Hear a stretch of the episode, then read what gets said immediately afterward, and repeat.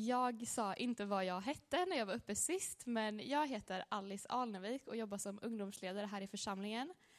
Och idag så ska jag få dela en, ja, men en kort liten andakt med er här uppe på scen. Och när jag har förberett mig inför idag så har jag haft mycket olika tankar som har snurrat i huvudet och jag har försökt att kombinera dem och samla dem lite. Eh, så det ska jag försöka ge mig på nu.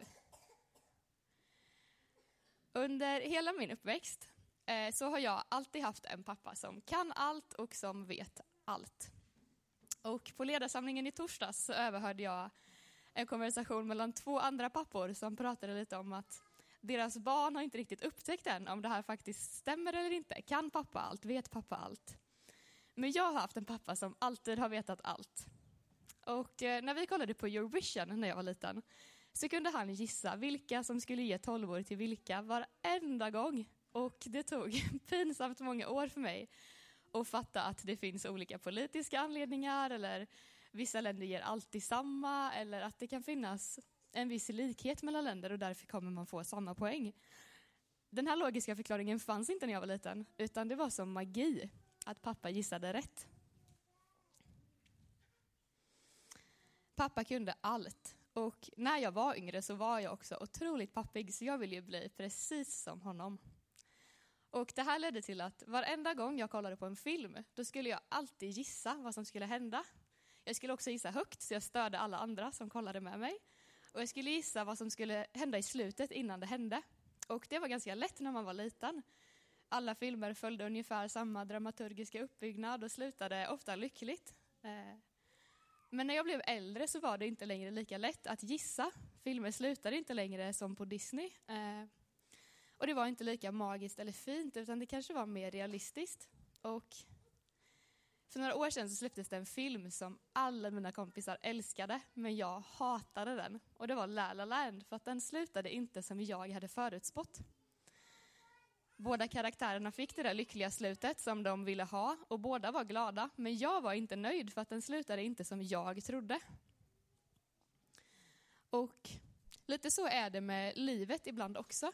Att ibland så löser sig saker precis som på Disney, precis som jag vill. Ibland är det inte så. Men nästan alla slut som jag har varit missnöjd över i mitt liv, som jag har varit med om, är några av de bästa sakerna som har kunnat hända mig, för att det har lett mig till där jag är idag. Alla relationer som har tagit slut eller runnit ut i sanden, det har varit en sorg för mig i stunden, men det har också lett mig till där jag står idag. Och det har lett mig till det li livet som jag har drömt om. Och när jag läste ur min bibelläsningsplan igår så stötte jag på en bok, Ordspråksboken. Och det var en vers som jag fastnade väldigt mycket för. Och det var vers 21. Och där står det så här. Människan gör upp många planer, men det är Herrens vilja som sker. Och det kan vara svårt att svälja ibland, när saker inte alltid blir som man vill eller som man förväntat sig. Så är det Herrens vilja som sker. Att kunna vila på att den som älskar oss så mycket och den som vill oss så gott, det är hans vilja som kommer ske. Det är ju helt fantastiskt egentligen. Och oavsett om man kan förutspå eller om det känns oväntat eller om det är det som jag har planerat, så är Guds vilja alltid större. Och jag tror verkligen att det finns ett syfte med hans vilja. Att alla välsignelser som vi får av Gud, det finns en tanke med dem. Och jag är övertygad om när vi går igenom prövningar så gör Gud någonting av det. Han gör oss starkare, han ger oss erfarenheter, han ger oss någonting i varje prövning. Och dagens tema på gudstjänsten är ju känsel. Vi såg ju några grymma tjejer som var uppe här innan och fick känna den här lådan. Och ibland känner vi med händerna för att förstå vad det är som händer och ibland känner vi med insidan. Och det kan vara jobbigt ibland att känna med insidan. Ibland känns det som en varm sommardag och allting löser sig precis som man har tänkt. Och ibland känns det inte så. Och då kan det vara jobbigt. Men oavsett hur det känns, oavsett vad vi tänker, om det är våran plan som går i lås eller inte, så är det Guds vilja. Och det är så mycket större. Och jag vet idag att pappa Andreas hemma i Bankaryd, han kan inte allt och han vet inte allt. Men jag kommer alltid älska honom lika mycket för det. Men jag har däremot en pappa som jag får dela med alla er här inne. Och det är Gud. Och Gud, han vet allt och han ser allt och han kan allt. Han kan göra allting som vi ber om och han älskar oss så otroligt mycket. Och det är hans vilja som kommer ske i våra liv och det är verkligen det lyckliga slutet som jag tänker att vi behöver. Att det är hans vilja som kommer att ske. Det är helt underbart. Vi ber tillsammans.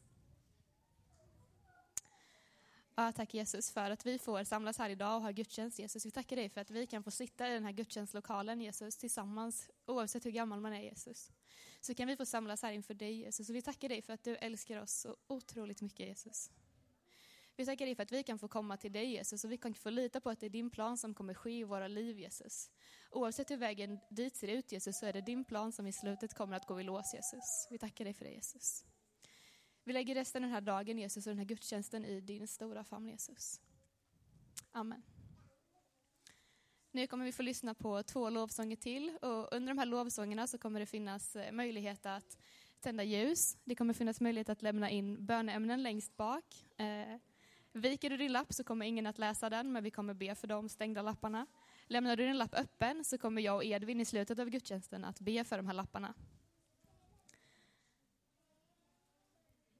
Välkommen lovsångsteamet, ni var redan uppe.